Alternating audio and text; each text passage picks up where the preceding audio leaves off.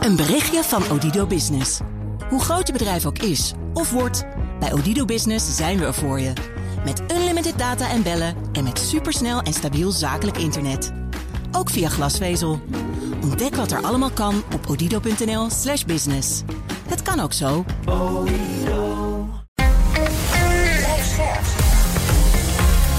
BNR Nieuwsradio. De wereld. Bernard Hammelburg. Welkom bij het beste binnenlandse programma over het buitenland. Straks, Rusland wordt door nieuwe sancties steeds verder geïsoleerd. En dat terwijl het land pas 30 jaar open is voor business. Over die tijd schreef historicus Gijs Kessler een boek. Maar nu eerst, Nederland gaat de steun aan Oekraïne intensiveren, schreef premier Rutte op Twitter. Dat betekent meer wapens, meer sancties, meer isolatie van Rusland. The sham referenda, organized in the territories that Russia occupied, are an illegal attempt to grab land and to change international borders by force. The mobilization and Putin's threat to use nuclear weapons are further steps on the escalation path. We do not accept the sham referenda and any kind of annexation in Ukraine. Ook Ursula von der Leyen, voorzitter van de Europese Commissie, accepteert de omstreden referenda die Rusland hield niet, nog de inlijving van die gebieden. Ik praat erover met Agnes Mulder, buitenlandvoerder van het CDA. Goedemiddag. Goedemiddag. Um, Rusland gaat de bezette Oekraïnse regio's Luhansk, Donetsk, Gerson en Zaporizhia vrijdag officieel annexeren, heeft een woordvoerder van het Kremlin bekendgemaakt. Dat komt niet als een verrassing. Voor u niet, voor mij niet, eigenlijk voor niemand, toch? Nee, dit zat er al even aan te komen. En uh, daarom zat er natuurlijk ook direct een nieuw uh, sanctiepakket aan te komen. Want dit kunnen we niet over ons kant laten gaan. Dat op zo'n manier, zo bruut, uh, deze delen van Oekraïne worden ingelijfd door Rusland. Echt met een schaamteloze vertoning van een zogenaamd referendum. Dus om het, om het daar maar, maar even goed te maken. Ja, en ik vind het alleen maar heel erg gerechtvaardigd dat daar een nieuw sanctiepakket op komt. En dat die ook impactvol moet zijn. Ja, even, even een simpele vraag. Die, die gaat nu al overal rond, dus waarschijnlijk zo simpel niet. Maar hoe zit het nu als uh, bijvoorbeeld Oekraïne pogingen doet om in dat gebied dat nu officieel bij Rusland hoort, volgens Rusland, uh, probeert aanvallen te doen of probeert het gebied terug te veroveren? Is dat dan een aanval op Rusland? Want dat zegt Poetin. Nou, het is gewoon pure landjepik geweest natuurlijk door Poetin. En uh, hij, hij wil dat frame uh, neerzetten. En het is aan de rest van de wereld om daar doorheen te prikken en dat uh, niet te accepteren. Nee, maar goed, het gaat erom. Als, mijn indruk is dat de Oekraïners echt nou, zo boos zijn dat ze wat ze in het noorden hebben gedaan met enig succes ook in dit gebied zullen proberen. Dus ja, je ziet, je ziet de volgende ramp afkomen als het ware, toch? Nou ja, het is ook hun land, hè? Dus ja, dat tuurlijk. recht hebben ze. Dus, ja. uh, en uh, ik kan me heel goed voorstellen dat Oekraïne net zo lang doorgaat totdat ze alle land weer terug hebben. Wat ja, onrechtmatig is uh, afgepakt door Rusland. Ja. Dus dat recht, dat hebben ze ook. Ja, oké, okay, sancties. U zegt dat moet. Ehm, premier Rutte zegt ook er komen nieuwe sancties. Weet u al wat Nederland van plan is? Nou, wij steunen natuurlijk Oekraïne op uh, meerdere fronten. Dat is humanitair. Hè. De winter komt eraan. En uh, vorige week sprak ik nog een parlementslid uit Oekraïne. Die was hier in Nederland op bezoek. Die zei van ja, heel veel mensen zijn aan het terugkeren. Ook naar hun huizen ja, in, in kapotgeschoten gebieden. En die mensen die moeten we ook steun verlenen. Nou, er is gisteren een debat ook in de Tweede Kamer geweest. waar er ook navraag op is gedaan. En waarvan ook de minister Schijnemacher heeft gezegd. dat zij dat wil gaan steunen. Ook vanuit. Uh, uh, vanuit de ambassade, ook in uh, Kiev. Want dat moet gewoon diep tot in de haarvaten. Vanmorgen hadden wij nog een gesprek met de hulporganisatie van de VN. En ook die heeft bevestigd op vragen van mijn kant... om daar volop op in te zetten. Want de winters in, in Oekraïne die zijn echt moeilijk en hard. En als jij in een kapotgeschoten huis zit... Ja, dan moet je gewoon zorgen dat je dat toch verwarmd krijgt. Nou, daarnaast hebben wij vol ingezet vanuit vanuit Nederland op het leveren van wapens ook aan, aan de Oekraïnse leger. Want zij hebben gewoon het recht op zelfverdediging. Dus als zij ons dan vragen om ook wapens te leveren, dan vind ik dat wij dat moeten doen. En ik heb ook een oproep gedaan middels vragen die ik heb ingediend aan, aan de minister. Om eens te kijken van ja, hoe kunnen wij bijvoorbeeld met tanks ook, ook dat land gaan steunen. Die hebben wij natuurlijk zelf al een tijdje niet meer. We werken wel met, uh, met Duitsland samen in, uh, in, Oekra in uh, Litouwen. Daar hebben wij ze teruggeleased. Nou, stel je nou voor dat Tsjechië bereid is om nou, ook bijvoorbeeld tanks die kant op te kunnen krijgen. En Duitsland daar bijvoorbeeld bij helpt. Of het Verenigd Koninkrijk of de VS. De VS heeft al stevige extra pakketten ook aangekondigd. Dan moet het toch helpen met elkaar om, om, ja, om, om ze zo krachtig mogelijk te hebben. Want tegelijkertijd hè, dat wij die, wapens leveren, zijn we ook mensen aan het trainen natuurlijk met ons leger. Ja. Dus op al die fronten moeten we Oekraïne steunen, vind ik. Oké, en, en zou u nog meer sancties willen zien als dat nu lag? Nou, we hebben vorige week een uh, ronde tafelgesprek in de Tweede Kamer uh, gehad, ook over uh, dit onderwerp. En de belangrijkste sanctie die Rusland hard zal raken, is eigenlijk een pakket dat in juni is aangekondigd. En dat gaat over olie. zowel ruwe olie vanaf november als andere geraffineerde olieproducten vanaf januari. En de verwachting is dat dat heel grote impact gaat zal hebben. Gaat dat over dat prijsplafond? Ja, ja. En uh, dat heeft er ook mee te maken dat als je dat goed uh, inzet, ja, dat je dan Rusland hard kan raken. En ik denk dat Rusland dat nu ook over zichzelf heeft afgeroepen. Dat dat nu ook een wettelijke basis heeft gekregen. Want zo begrijp ik ook mevrouw van der Leyen, de, ja, de, vanuit de Europese Commissie, dat zij ook zegt van nou, daar is nu een wettelijke basis voor gemaakt, zodat we dat ook daadwerkelijk met z'n allen kunnen gaan ja, doen. Even kijken naar, naar, naar de kostenkant. Uh, want dat is niet gering. We geven, dat u geeft het zelf aan. We, steunen Oekraïne voor zover we kunnen. En met heel veel geld. we trainen ze, we geven wapens, we doen van alles en nog wat. Hoe duurzaam is die steun? Ik bedoel in tijd. Hoe lang kunnen we doorgaan met zoveel geld over te maken, zoveel wapens te leveren, waarmee we misschien onze eigen wapenvoorraden cannibaliseren? En vooral als dit conflict nou langer duurt dan we uh, vrezen, moet ik zeggen, eigenlijk, hopen. Uh, het kan, dus de experts zeggen, ja, het kan nog zeker een jaar of misschien wel jaren duren. Dus hoe lang houden we dat vol? Nou, dat is natuurlijk een hele terechte vraag. Hè? En uh, uh, naast hoe lang houden we het vol, is ook uh, voor onszelf van belang. En dat hebben we ook al eerder in de Tweede Kamer gezegd. aan de hand van een motie met collega Sjoerdsma en anderen heb ik ingediend dat we die 2% van de NAVO-norm moeten gaan halen. Jarenlang hebben we die NAVO-norm niet gehaald. En uh, dachten we van nou, dat, dat kan allemaal wel. Dus we hebben eigenlijk jarenlang ondergeïnvesteerd. En daarvan zien we nu de wrange uh, vruchten. En dus heeft ook uh, mijn collega Dirk Boswijk bijvoorbeeld samen met de SGP en met de VVD nu ook een, een initiatiefwet mee ingediend. Om die NAVO-norm gewoon langjarig te halen. Dat je ook weet wat je in die tien jaar ook allemaal aan investeringen moet ja. gaan doen. Ja. Want als je een beetje op korte termijn gewoon een beetje nou hier wat doen, daar wat doen, dat is voor ons leger ook niet goed. Dus wij moeten zorgen dat we onze eigen defensie goed op de rit krijgen. Dat in eerste instantie. Want uh, de dreiging die vanuit uh, Poetin en ook andere uh, regimes uitgaat, is dat wij onze westerse manier van leven, die staat onder druk. Ja. En dat bestrijden ze met allerlei wapens. Hè? Dus, en, en, en ik vind dat wij voor onze democratieën moeten opkomen onze manier van leven is de moeite waard. En uh, dat is nooit gratis als je dat moet verdedigen. En ik hoop dat, uh, en ik, ik denk ook dat heel veel mensen dat ook echt wel diep in hun hart weten. En ik, dus we zullen hiervoor open moeten staan ja, ja, om deze democratieën overeind te ja, houden. Donald Trump had dus op dit punt gelijk, hè? Met die 2 procent. Oh, absoluut. Ja. dat, maar dat heeft CDA heeft, dat al die jaren ook gezegd. Hè? Want uh, Piet Hoekstra, de ambassadeur, die riep dat hier op iedere uh, bijeenkomst waar we hem ja. troffen. En hij had gelijk, en dat heeft eigenlijk ook Obama gezegd. Hè? Jullie moeten meer Zeker leveren. Ja. Dus, en dat uh, moeten we ook gaan doen. Nou, als je terugkijkt, dat is eigenlijk al vanaf Ronald Reagan alle presidenten daarna, ook Clinton, noem allemaal maar op, die hebben er altijd op aangedrongen. Dus u hebt, helemaal gelijk. Dit is de Wereld. Mijn gast is Agnes Mulder, buitenlandwoordvoerder van het CDA. We luisteren even naar uh, uw partijgenoot en minister van Buitenlandse Zaken, Wopke Hoekstra, onlangs in dit programma. Iedereen die uh, die had verwacht dat die sancties op zichzelf voldoende zouden zijn uh, om, om iemand die, die, die tot zoiets verstrekkends in staat is als, als, als deze invasie, dat, die, dat, dat dat zou leiden tot, tot hem op andere gedachten brengen.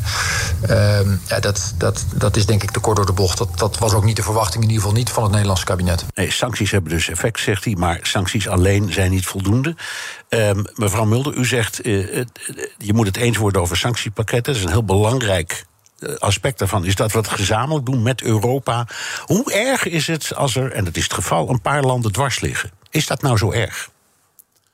Dan moet je denk ik, ja, natuurlijk is dat erg. Maar je moet ook kijken van wat is de reden dat ze dwars liggen. En hoe kun je dan de andere landen comfort uh, bieden soms, hè, kan dat.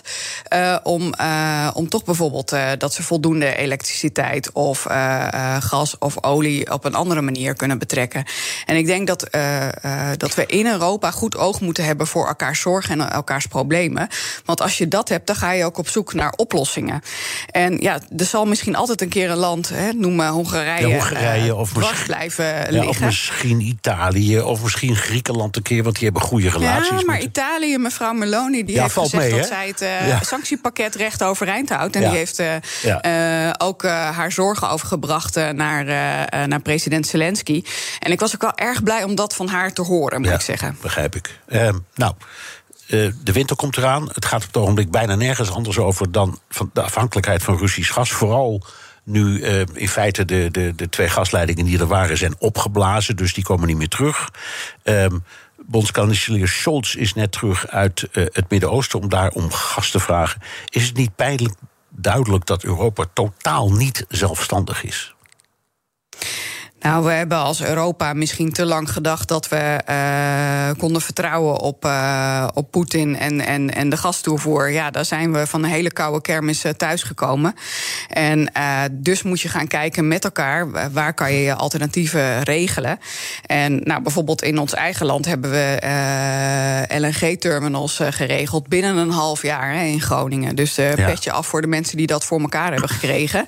Om extra capaciteit aan gas ook te regelen. Ja, en kijk ook met z'n allen hoe je minder gas kan verbruiken. Dat geldt voor ons allemaal als huishoudens. Uh, en het uh, scheelt je dan ook direct in, uh, in de portemonnee. Ja. Dus ik douche bijvoorbeeld toch nog weer korter. En allemaal dat soort maatregelen kan je nemen. Deuren dicht in huis. Het zijn soms hele voor de hand liggende dingen die echt ook wel helpen. Nou, u hebt gelijk. Ik denk dat we het allemaal een beetje doen. Gewoon echt die, die dingen ja. wat beter. Is het, licht, ja. is het licht wel uit? Is de deur dicht? Precies. Dat soort dingen doen we allemaal. Ja. Um, en even, niet meer automatisch dat de boel aanslaat op bepaalde momenten. Maar gewoon bewust omhoog draaien en omlaag zetten. U, u hebt, een van uw speerpunten is strategische autonomie. Wat bedoelt u daarmee? Nou, eigenlijk dat je niet te afhankelijk uh, kan zijn voor heel veel zaken die je uh, rechtstreeks uh, thuis ook raken als inwoners. Dus bijvoorbeeld die energievoorziening in Europa. Maar ook hebben we gezien met het Suezkanaal dat daar een, een grote schip dwars lag, dat wij ook bepaalde producten niet meer kregen. we hebben natuurlijk gezien met de COVID dat wij ook zelf niet onze mondkapjes konden maken. Dus je wordt dan heel erg afhankelijk van heel veel andere partijen, heel veel andere landen, statelijke actoren. En ik vind dat wij daar uh, opnieuw met z'n allen goed naar moeten kijken. Hoe krijgen wij weer dat we uh, een, een groot gedeelte van waar, waar je anders misschien afhankelijk uh, van bent van andere landen, toch op een andere manier in Europa organiseren. En dat betekent dat je bepaalde zaken misschien wel terughaalt. Nou, het voorbeeld van uit Defensie om samen nieuwe munitiefabrieken op te zetten. Om eigen munitie gewoon te fabriceren. Daarvan niet afhankelijk te zijn van nee, andere landen. Begrijp ik. Maar ik, er zijn heel veel hele voor de hand liggende, maar op heel veel terreinen maar, die je moet regelen. Dat is waar, maar heel veel van de dingen waar u het over hebt, die hebben we zo gedaan omdat het goedkoper en makkelijker is. Ja, uh, als je, als je terughaalt, wordt het niet alleen duurder, maar het, het, het, Nederland bijvoorbeeld, maar eigenlijk heel Europa. Uh, heeft te kampen met een mega personeelsprobleem. Dus je kunt, zelfs als je die fabrieken gewoon heropent hier, zelf munitie gaan maken. Wie gaan het doen? Personeel is er niet. Uh, er is zeker aan technische personeel uh, heel groot tekort. Uh, ik denk dat we naar alle oplossingen moeten kijken. De, wat wat een bekend voorbeeld is als bijvoorbeeld in de zorg en in de, ook op het onderwijs misschien mensen vier uur langer zouden kunnen werken. Dan heb je het probleem ook daar opgelost. Dus alle alle opties moeten we uit kast trekken, tegen het licht houden. Om die afhankelijkheid af te bouwen. Want we schieten onszelf daarmee in de voet. En omdat we dat jarenlang niet hebben gedaan, lopen we nu tegen allemaal extra kosten op. Zoals ja, eh, wat ons nu dan overkomt eh, met Rusland, uh, met, met die energietoevoer. Ja, dat heeft dan nu een grote prijs. En we moeten zorgen dat we die prijzen natuurlijk zo laag mogelijk hebben. Maar je kan wel veel meer als Europa doen. Ja. En we maken nu ook een transitie door hè, naar andere vormen van energie. En laten we dat dan ook tot een kans maken om daar in andere dingen ook mee te trekken. Ik denk dat dat, als we het slimmer anders gaan organiseren. En als Nederland zijn we altijd goed geweest in innovatie dit hebben wij in huis. Dit kunnen wij. Ja, maar aan de andere kant, als je naar Nederland kijkt, het beste machtig land, economisch, zeker als je kijkt hoe klein het is. En Europa als geheel, dat is het grootste handelsblok. Er wonen de meeste mensen. Ik denk ook dat er het meest geld om gaat. En toch zijn we met z'n allen vergeleken bij bijvoorbeeld Amerika nog altijd een beetje een mug in alle opzichten. Ik, mijn indruk is dat, dat ja, dat verandert niet. Hoe, hoe kijkt u daar tegenaan? Nou, als wij allemaal onze defensie uh, 2% uh, gaan halen als, uh, als Europa, dan maken we daar in ieder geval een belangrijke slag. Want het is natuurlijk gewoon waar. Wij zijn afhankelijk voor onze defensie van, van de VS. Ik denk dat we daar ook. we moeten natuurlijk in goede vriendschap transatlantisch heel veel dingen blijven doen. Maar we moeten ook gewoon zelf onze broek gaan ophouden. Dus dat is een belangrijke stap. Is toch een stap die we moeten zetten. Maar economisch hebben wij nog best wel wat in de melk te brokkelen als, als Europa. We moeten ons niet groter maken dan dan dat we zijn, maar ook niet kleiner. En uh, we zijn een grote interne markt en kunnen daarmee nog best uh, op uh, bijvoorbeeld de, de, de randvoorwaarden voor bepaalde producten nog invloed uitoefenen. En ik vind dat we die kans ook nog steeds moeten grijpen als Europa. Ja, maar noemt dus één voorbeeld dan van zo'n product of productieketen. Je hoort vaak de agrarische sector, ik noem maar wat, die is machtig, heeft ook macht. Is dat dan, zijn dat dat soort dingen waar u nu denkt? Ja, maar je, je moet door uh, al die ketens heen gaan kijken. En, uh, en, en, niet alleen zeg maar naar wat goed is voor jezelf, maar wat ook goed is voor een ander. En dan gezamenlijk kijken, bijvoorbeeld, hoe kan je met Afrika beter optrekken? We hebben grondstoffen nodig vanuit Afrika. Ja, maar, die maar zij willen ook gewoon. Nou ja, China heeft daar dus uh, de afgelopen jaren veel meer lange termijn beleid uh, laten zien. En die heeft daar flink in geïnvesteerd. Maar ook China laat natuurlijk wel eens wat, wat steken vallen. En niet alles wat China in Afrika doet, vinden ze in Afrika ook op alle momenten even goed natuurlijk. Dus die zien ook wel wat er gebeurt. En die denken ook van, nou, wij kunnen best wel handel doen met, met Europa. Dus de, de stappen worden daar naartoe gezet. Maar dat kunnen worden geïntensiveerd, wat mij betreft. En als je kijkt naar lange termijn, dan biedt voor ons, denk ik, ook in Nederland, maar ook voor Europa, biedt de circulaire economie ook grote kansen. Want uh, uiteindelijk, als je de grondstoffen uh, zo gebruikt en zo ontwerpt dat je ze ook weer daarna kan uh, hergebruiken, dan begint het dus al vanaf het ontwerp. Dan heb je straks een nieuwe economie ook voor jezelf gecreëerd, die ook nog eens een keer CO2-arm kan zijn. Dank, Agnes Mulder, buitenlandwoordvoerder van het CDA. Blik op Europa. En dat doen we met Europa-verslaggever Geert-Jan Haan. Geert-Jan, je bent deze week bij een conferentie geweest over de staat van de Europese Unie met als thema de oorlog in Europa en de naschokken. Nou ligt het misschien aan mij, maar ik heb de indruk dat die oorlog nog gewoon bezig is. Ja, dat uh, merk ik natuurlijk ook. Het ging bij uh, die conferentie bij Instituut Klingendaal over oorzaken en gevolgen. Een aantal dingen eh, zijn inderdaad gewoon lopende zaken waar we toch wel oog voor moeten hebben. Denk aan de miljoenen Oekraïners die nu in Europa zijn en er deze winter misschien nog bij komen. Een winter waarvan alle experts zeggen: ja, die wordt cruciaal. De komende 90 dagen worden cruciaal. Maar wat als komende maart Oekraïners een jaar in Europa zijn en die tijdelijke beschermingsrichtlijn waar ze onder vallen in de EU, als die dan afloopt. Nou, dus daar moeten we over nadenken. Denk ook aan het EU-kandidaat lidmaatschap voor Oekraïne en andere landen. Uh, we hebben daar iets over besloten in juni. Hoe nu verder? Maar het ging ook over de staat van de Europese defensie. Iets dat ook deze dagen weer top of mind is. We must also be, be aware that Ukraine is winning time for us. Initially, I thought three to five years, but if you look at the situation, situation today, they're winning time for Europe, five to ten years. And they're doing it with their blood. So I think we must be uh, very grateful to the Ukrainian people for, for what they're doing now. I think they're winning time for European security as a whole. Ja, Bernard, dit is de Belgische luitenant-generaal uh, Thijs. Uh, vice-chefstaf ook van de Belgische Defensie. En die zegt hier dat Oekraïne ons dus uh, ja, 5 à 10 jaar gunt. Omdat onze defensie eigenlijk weer 25 jaar nodig heeft om helemaal up-to-date te zijn. Hij spreekt eigenlijk namens de ja, laat ik het verwoorden als de Europese leden van de NAVO. En hij stelt wat in 30 jaar is opgebouwd of afgebouwd, kun je niet in twee jaar weer opbouwen en terugkrijgen. En daar moet aan gewerkt worden. Ja, lijkt me ook een punt. Uh, uh, ging het ook over hoe we ons kunnen wapenen tegen aanvallen op cruciale infrastructuur? Want met die pijpleidingen zie je maar hoe kwetsbaar we zijn. Zeker. Het ging daar uh, gisteren vrij weinig over, want het was op woensdag en toen was het nog vrij vers nieuws. Ik vroeg het wel aan de Belgische generaal. Uh, hij gaf aan dat we er eigenlijk maar weinig tegen kunnen doen. Wel iets om te blijven volgen. Ik, ik wil hier geen depressieve Europa-update van maken, Bernard, maar het ging ook nog even over nucleaire dreiging. Moeten we toch nog benoemen.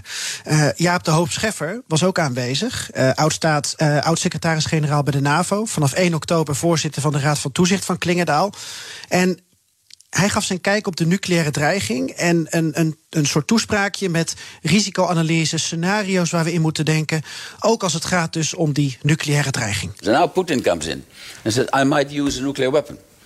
On a scale of 1 to 10, I would rate that chance between 1 and 2, but not zero.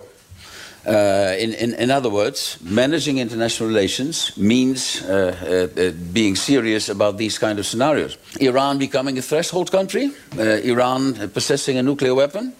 I would rate the chance personally a bit higher than one to two, might be three, might be four. What are the consequences of such a scenario? Uh, three or four on my scale of ten, but, but not zero. Uh, in, in, in other words, uh, we need a lot of improvisation, also in the, in the, in the, in the European Union. Geert-Jan, je was daar om die conferentie bij te wonen, maar je had zelf ook nog een boodschap voor het publiek. Ja, niet over nucleaire dreigingen, want dat is absoluut niet mijn expertise. Het, het kabinet werkt aan een nieuwe Ruslandstrategie. Uh, dat lijkt me ook wel nodig na de vorige in 2019. Toen leefden we in een hele andere wereld. En we spraken dus ook over een Europese Ruslandstrategie. Ik heb daar een paar ideeën over geuit en ik wil die toch even met jou uh, delen, Bernard. Uh, volgens mij moet in die Europese Ruslandstrategie staan dat onze taal en daden richting Rusland meer gebaseerd moeten zijn op, op, op hard dan op zacht. Dus sterk, sterke taal uiten, sterk achter je daden staan. Ik heb ook geopperd uh, voor een, ja, uh, toch een, een, een communicatielijn met de Russen. Daar kom ik zo op. Maar ook over, ja, we moeten toch contact blijven houden. Bijvoorbeeld met onafhankelijke academici, uh, journalisten, NGO's. Je kunt niet alles en iedereen uitsluiten. Um, ja, en ik heb het voorstel gedaan voor een Europese hotline. Ik weet niet of je het interview met de Finse president Niinistö had gezien op CNN. Ja, heb ik gezien, ja. Ja, ja en Niinistö was nou iemand waar Poetin nog wel eens contact mee had. Ja. Uh, dat is sinds uh, vorig jaar ook minder geworden. Maar dat was eigenlijk een vrij neutraal persoon, vrij neutrale leider in Europa waar Poetin contact mee kon hebben. En nou denk ik uh, dat we te zwart-wit soms denken over moeten we Rusland helemaal isoleren of niet. Um, mijn idee zou zijn: wat als we een soort Europese hotline creëren, een persoon in Europa aanwijzen waar Poetin zich uh, ja, tot kan richten als hij denkt dat er gecommuniceerd moet worden. Uh, en ook omdat je daarmee je eigen geloofwaardigheid behoudt. We zien natuurlijk in Europa veel kritiek op Scholz en Macron als ze proberen te praten met Poetin.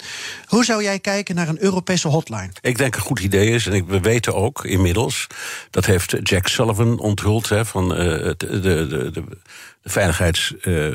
Uh, chef van Biden, dat de hotline tussen het Kremlin en het Witte Huis ook nog steeds functioneert en dat, ze, dat er regelmatig contacten zijn. Het lijkt mij een uitstekend idee om dat ook bijvoorbeeld vanuit Brussel te doen. Oké, dankjewel Geert-Jan, Europa-verslaggever. Een berichtje van Odido Business.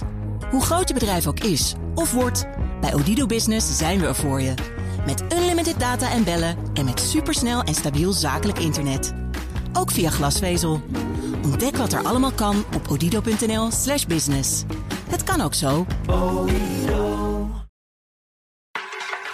In de Friday Move gaat het over tv. En het is gewoon heel leuk om een klootzak te kunnen zijn... zonder dat, er, dat je daarvoor gestraft wordt. Politiek. Je komt uit zo'n andere wereld en ineens zit je in de politiek... en dan denk je ook, wat een gekkigheid allemaal. En ik ben er ook. En het is alleen maar aan en aan en aan. Luister naar de leukste vrijdagmiddagborrel van Nederland. Als je de Friday Move hebt gehoord, dan is je weekend pas begonnen. Elke vrijdag om 4 uur. De Friday Move wordt mede mogelijk gemaakt door TUI en Otto Workforce. We take care of our people.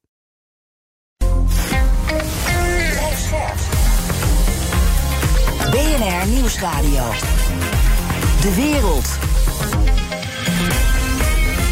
Bernard Hammelburg. Na de afkondiging van de mobilisatie door Poetin zijn er in verschillende Russische steden protesten en bij de grenzen is het druk. Thousands of Russians have already entered the country trying to escape the war in Ukraine. Russian men, along with their families, spend days and nights in queues stretching for kilometers, most of the time without food and water, the price that they are willing to pay just to avoid going to the battlefield. Dat was een verslag van de Deutsche Welle bij de Georgische grens. Ik praat erover met Gijs Kessler, senior onderzoeker bij het Internationaal Instituut voor Sociale Geschiedenis en auteur van het boek Rusland, land dat anders wil zijn. Welkom.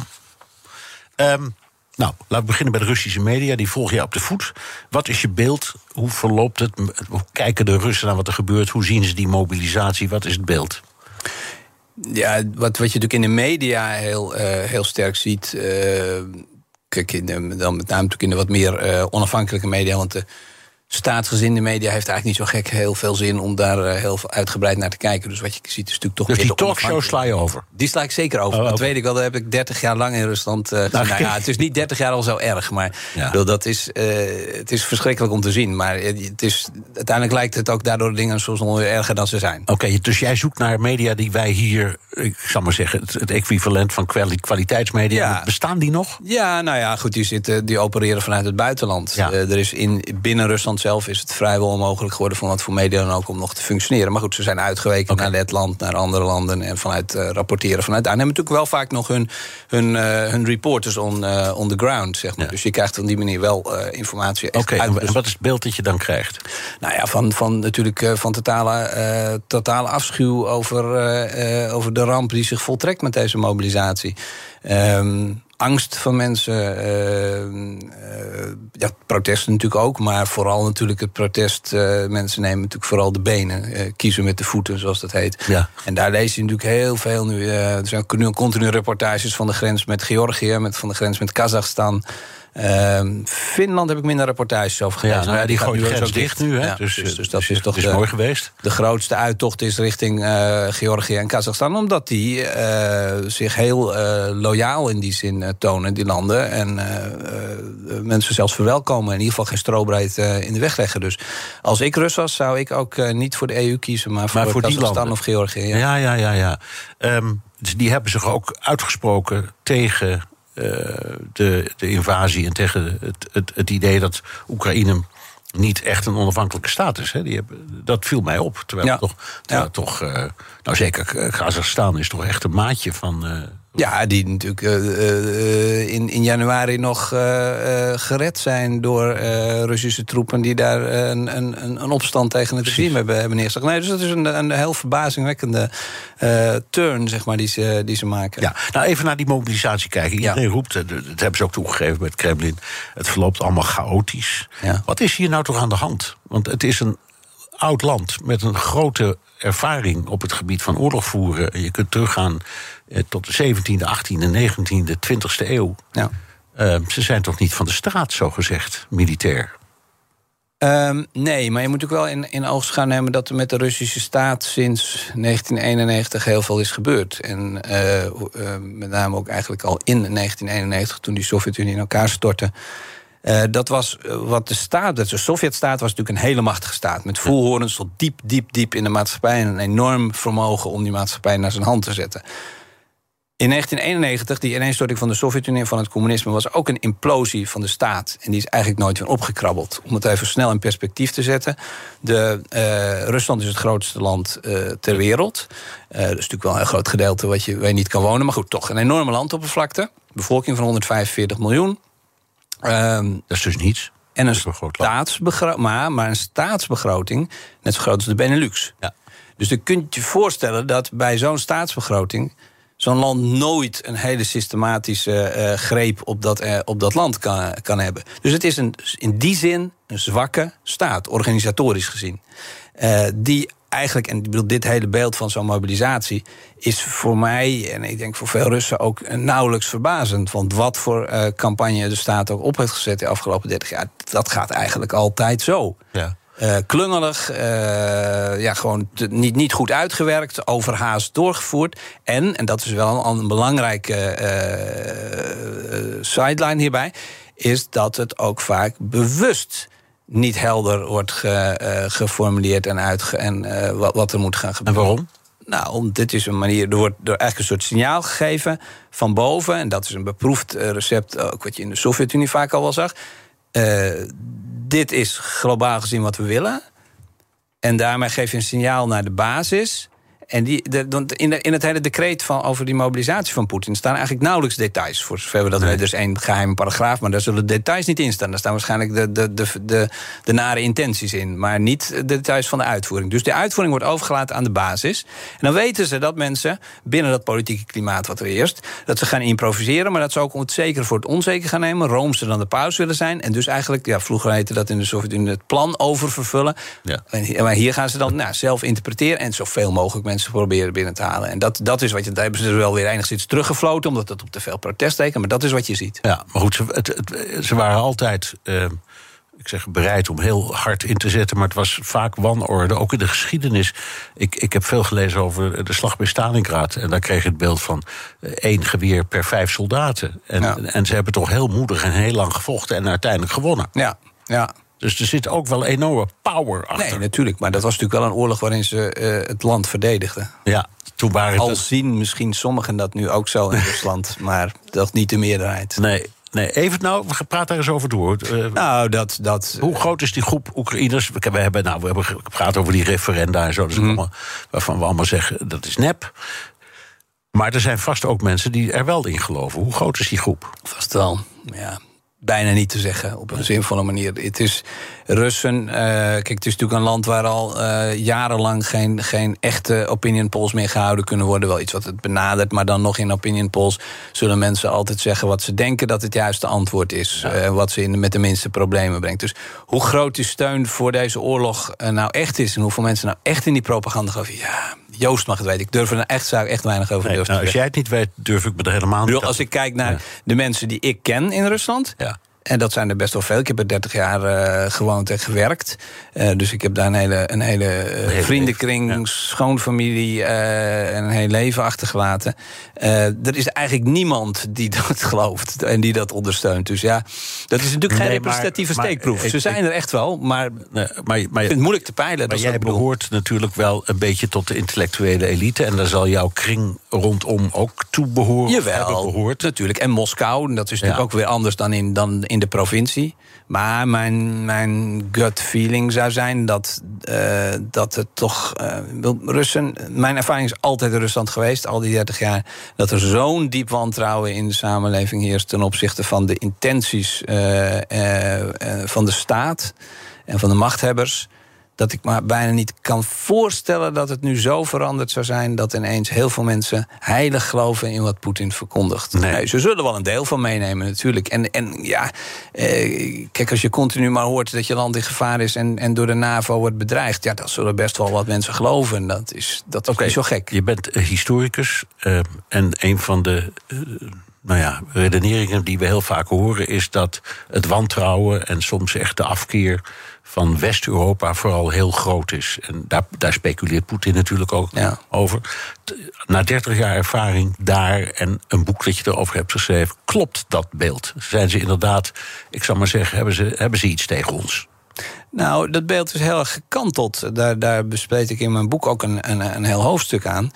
Rusland ging eh, na de ineenstorting van de Sovjet-Unie... ging ze de post-Sovjet-periode in met een vurige wens... en dat was een heel breed gedeelde wens... om eindelijk een normaal land te kunnen worden. En een normaal land betekende een eh, markteconomie, een democratie... En een open land waar je vrij in en uit kon reizen. En waar de dingen netjes geregeld waren. Net zoals bij jullie, zeiden ze tegen mij. Dus er was aanvankelijk een enorme juist bewondering voor het Westen. Een enorme eh, wens ook om daarbij te horen en deel te worden van die wereld. En dat is nog steeds heel sterk in bepaalde kringen. Maar wat je wel hebt gezien in de loop van die... Wat ik heb gezien in de loop van die 30 jaar is hoe... Ja, eh, eigenlijk dat, dat eh, bijna adorerende beeld in de praktijk van het contact met het Westen, het hierheen reizen, zag je dat, dat, dat sommige mensen toch begon, begon te kantelen. Eh, Russen hebben best wel een, een minderwaardigheidsgevoel. Dachten vaak dat ze hier niet welkom waren, dat mensen hier niet op ze zaten te wachten. Hoe ik ook ze verzekeren van nee, juist, uh, mensen zijn ontzettend nieuwsgierig naar jullie. En uh, er is, er is nooit er is 70 jaar geen contact geweest en nu komen er eindelijk Russen hier en mensen willen juist, zijn nieuwsgierig. Nou, het had ook wat te maken met. ze wisten niet hoe ze zich moesten gedragen in de maatschappij. Hier voelden zich vaak een olifant in de porseleinkast. En natuurlijk, ja, wat nou, vonden keer... wij ook vaak van ze. Ja, dat was. Nee, natuurlijk, gedeeltelijk werd dat ook wel zo gevonden. Uh, daar waren ze behoorlijk gevoelig voor. En wat natuurlijk ook al die jaren uh, altijd, en dat heb ik Russen altijd uh, heel. nou, die voelden dat, hebben dat als, als heel pijnlijk ervaren. Dat was het ook. Is dat ze natuurlijk altijd, als ze hierheen wilden komen, een visum aan moesten vragen. En dan een hele doopzeel gelicht werd. Aan moesten tonen dat ze geld hadden. Dat ze niet gek waren. Dat ze, zoals Russen dan zeggen, dat moesten aantonen dat ik geen kameel was. Nou, dat is natuurlijk best, was best een vernederend proces. ik begrijp best wel waarom het iedereen had ook al begrip dat bestond. Dat, dat er visa's staan. Dat ging het niet om. Maar dat was toch iets waar mensen zich. Als je naar Amerika gaat, is het nog zo. Ja, ja. maar goed, het, het, het, het, helpt natuurlijk wel uh, je uh, te voelen als iemand die niet, misschien niet helemaal welkom is. Nou, dat, en dus je ziet dan op een gegeven moment wel dat, dat er een soort van herwaardering van het eigen. Eerst een blinde adorering van alles wat wester, westers en buitenlands was. En dan een soort herwaardering van wat Russisch was. En uh, ja, trots kan misschien, maar wel een soort van wijk. Nou, weet je, we hebben misschien ook eigenlijk dat Westen niet zo nodig blijven. Oké, okay, daarop voortbedoelende. Er zijn nu protesten. Ja. Um, hoe, hoe taxeer je die? Zijn, moeten we die serieus nemen? Nou, je moet zeggen, je moet protesten altijd serieus ja, nemen. Verkeerde ja. vraag. Maar representeert het echt iets of is het daar te klein voor? Nou, het is noodgedwongen klein natuurlijk, omdat uh, kijk, het staat voor, een, voor een, een, onvrede en een woede en een machteloosheid die, over, nou, over, over die oorlog en over die mobilisatie, die natuurlijk heel breed is. Maar protesteren is zo ontzettend gevaarlijk in Rusland nu. Dat het zeg maar de, echt de allermoedigsten zijn die dat doen. Dus het staat wel ergens voor.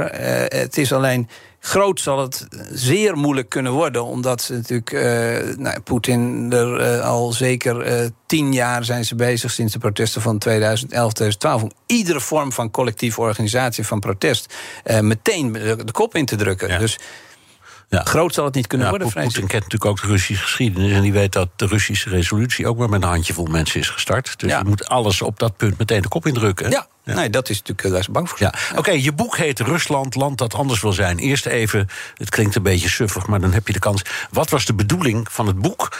Um, uh, en, en zou je het nu herschrijven. Komt er een tweede druk? Ja, Want dat ja, ja, is net voor de oorlog verschenen. precies, precies. Of een vijf, ik weet niet, hoeveelste druk zit je? Ik, er is een tweede druk dus al. komt er een derde druk? misschien een derde druk. Oké, precies. Hopelijk.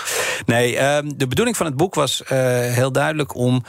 Uh, uh, een soort balans op te maken. Kijk, uh, een, een grofweg 30 jaar na het uiteenvallen van de Sovjet-Unie... en van het moment waarop Rusland, wat ik al zei, probeerde uh, een nieuw, een normaal land te worden. Uh, nou, dan kijk ik wat, wat is daarvan terechtgekomen in die, uh, in die 30 jaar. En ik doe dat, en dat is. kijk, ik had daar ook een wetenschappelijk werk over kunnen schrijven, maar daar heb ik niet voor gekozen. Ik heb ervoor gekozen om juist een uh, op persoonlijke ervaringen gebaseerde reportage. Ja, ja reportage waar ik ook alweer dingen ja. uit mijn wetenschappelijke werk uh, in, in terugbreng. Maar ik heb dat gedaan omdat ik altijd ermee geworsteld heb dat ik uh, door het wonen en werken in Rusland een soort van ervaringskennis heb opgebouwd over dat land. Die voor mij ontzettend bepalend is voor, voor het begrip van wat er in dat land gebeurt. Maar die je heel moeilijk wetenschappelijk. Je kunt er geen voetnoot bij geven. Nee. Uh, en ik dacht, maar het verklaart wel heel veel over hoe je het land moet zien. En dat wilde ik met het publiek delen. Dus dat ja. is mijn, mijn insteek. Oké, en in het voorwoord schrijf je dat je hebt overwogen om, uh, om een, het te herschrijven. Ja, je zat natuurlijk, ik had het opgestuurd en twee, drie weken later barstte Maar je hebt het niet gedaan. Nee, ik heb dat uh, nou, ook na overleg met mijn uitgever.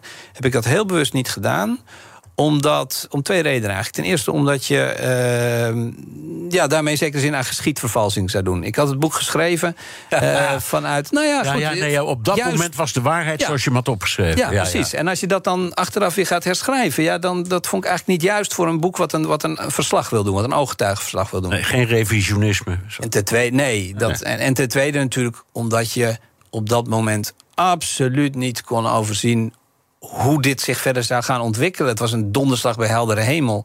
eh, hoe dit zich zou gaan ontwikkelen. En welke implicaties het zou kunnen hebben. Hoe moest ik het beeld herschrijven? Wat zou er kantelen? Wat, wat bleek zou achteraf eh, een doodlopende weg geweest zijn en wat niet? Oké, laten we de vraag anders stellen. Inmiddels zijn we een stuk verder. Hè? Ja. Ehm, is nu je beeld gekanteld en zo ja, hoe? Of zeg je net zo, Nee. het zijn nog gewoon, gewoon dezelfde Russen? Mijn beeld is niet eh, erg gekanteld. Ik eh, zie de langere lopende lijnen die ik in mijn boek uitzet over ontwikkeling van, ja, van verhouding tussen staat en burgers. eh, over de ontwikkeling van de economie en van het economisch potentieel van Rusland.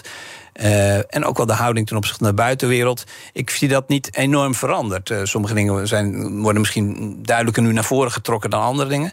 Maar waar ik wel. ehm, waar ik zelf ehm, veel over naloop te denken de laatste tijd. En ik weet nog niet of ik, ik kan nog niet helemaal overzien of ik het boek in die zin zou willen schrijven of niet. Maar dat is wel wat eh, Poetin en zijn regime drijft.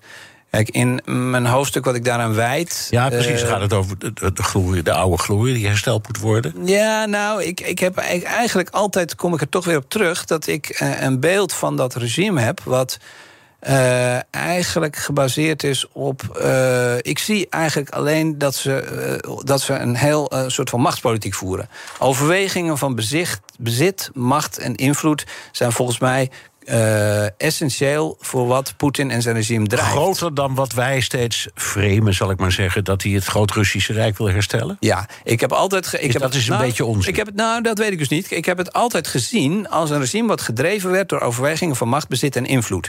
Als ik het zo bekeek, dan klopt, dan viel het beeld altijd op zijn plaats. En wat verder aan ideologie en historie werd bijgesleept door Poetin af en toe, vaak ook eh, eh, met grote fouten en, en, en dingen erin, heb ik altijd gezien als een totale window dressing dat weet ik nu niet meer zo zeker. Eh, kijk, het een hoeft het ander natuurlijk ook niet uit te sluiten. Als je denkt, eh, bedenkt zoals zo'n zo'n zo'n Poetin eh 20, meer dan 20 jaar aan de macht is. En dat, is natuurlijk een, dat gaat je leven totaal beheersen. En je zou je ook best kunnen voorstellen dat je in zo'n rol op een gegeven moment. Ja, inderdaad al rare ideeën in je hoofd komen. Dat je een soort historische missie hebt. Dus misschien Misschien hebben we dat, heb ik dat onderschat. Eh, of onderschat, maar in de zin, misschien heb ik, eh, eh, zijn er toch irrationelere, historische missieachtige overwegingen centraler geweest in Poetins denken dan ik het altijd heb, heb dan het beeld wat ik heb neergezet in het boek. Ja, we gaan even naar het, de, dag van vandaag. Er wordt nu gesproken over een achtste sanctiepakket door Europa, de Amerikanen en Europa. Op een enkel land na stoppen heel veel geld hierin en heel veel wapens. Doen we daar juist aan? Ja, ik denk het wel. Dit, dit is. eh, dit, dit, dit moet gestopt. Eh, ik bedoel dan. En, en het is natuurlijk een, totaal. eh, deze oorlog is een totaal drama. En hij lijkt ook niet. Rusland lijkt ook niet van opgeven. Eh, te, eh, te weten. Dus ja, dat kunnen we eigenlijk niet anders doen dan daar zo hard mogelijk tegenop te. Omdat dat ook de enige taal is. En dat is een zeer duidelijk altijd mijn ervaring geweest. Eh, met Russen kun je goed praten. Maar wel als je heel duidelijk aangeeft wat je grenzen zijn. Ja, Zodra je eh, het een soort van compromis wordt, dat wordt als zwakte gezien. Oké, dus je moet ook niet praten over mogelijke vredesonderhandelingen. Of je moet ook niet een worst voorhouden. Of je moet. Henry Kissinger heeft gezegd. Misschien moeten we naar die Noord-Koreaanse oplossing. Hè, dat Oost-Oekraïne dan maar gewoon formeel wordt losgekoppeld. Dat moeten we allemaal niet doen. Nou, kijk, er is iets anders natuurlijk. Het is natuurlijk een verschil tussen ehm, een zo hard mogelijke lijn eh, en ehm, duidelijk zijn over wat je wel en niet acceptabel vindt. Uh, ja, dus maar we, hadden, we hadden pas geleden Hoekstra in deze uitzending... en die zei, daar gaat het land zelf over, daar gaan wij niet over. Dat Nee. moet Oekraïne bepalen. Ja, nee, natuurlijk, dat is, dat is, dat is zonneklaar. Maar als je, ik denk, ik bedoel, ja, eh, oorlog is oorlog en oorlog is afschuwelijk. Eh, en als je, in die zin denk ik dat je nooit eh, vredesonderhandelingen bij voorbaat uit moet sluiten. Want dat kan een enorme hoop mensenlevens kosten. Maar het moet wel, voor een, moet wel acceptabel zijn voor de betrokken partijen. Ik heb eh, die, die periode zelf ook meegemaakt... van het einde van de Sovjet-Unie en het begin van Rusland. Dat is vele malen geweest. Eh, je schrijft in je boek dat heel veel mensen uit de Sovjet-Unie weg wilden. Ja. toen, toen die veranderingen kwamen. Ehm, ik herinner me dat ook een beetje. Wat, wat speelde daar? Wat was er aan de hand?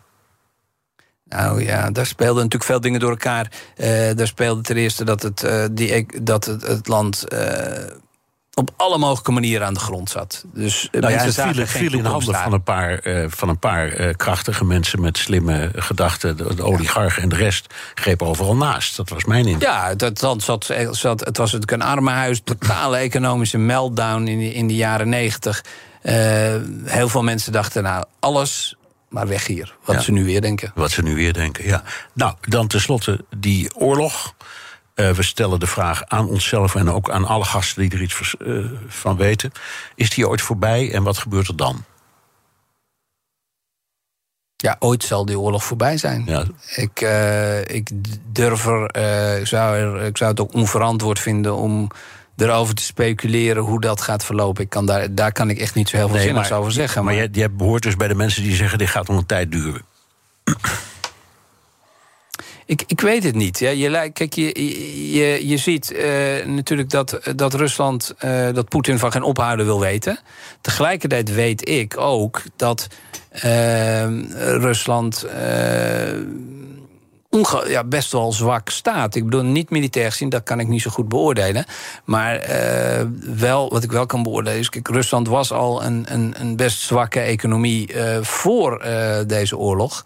Ehm, hoe ze, hoe, Rusland kan eigenlijk eh, de, huidige ook de verstoring van. de- Rusland is ongelooflijk afhankelijk van de export van eh, grondstoffen en de import van al het andere. Dat is op zich al een, een, eh, heel zwak ontwikkelingsmodel. Maar Het- als die import en export ook nog in gevaar komt, Precies. dan houdt het wel een beetje op. Dus hoe lang kan Rusland dit volhouden zonder totaal aan de bedelstaf te raken? We gaan er vast de komende tijd nog eens met je over praten. Dank Gijs Kessler, senior onderzoeker bij het Internationaal Instituut voor Socia- Sociale Geschiedenis. En schrijver van het boek Rusland, land dat anders wil zijn. En tot zover BNR De Wereld. Terugluisteren kan via de site, de app Spotify of Apple Podcast. Reageren kan via een mailtje naar dewereld.bnr.nl. Tot volgende week. Een berichtje van Odido Business. Hoe groot je bedrijf ook is of wordt, bij Odido Business zijn we er voor je. Met unlimited data en bellen en met supersnel en stabiel zakelijk internet. Ook via glasvezel. Ontdek wat er allemaal kan op odido.nl/slash business. Het kan ook zo.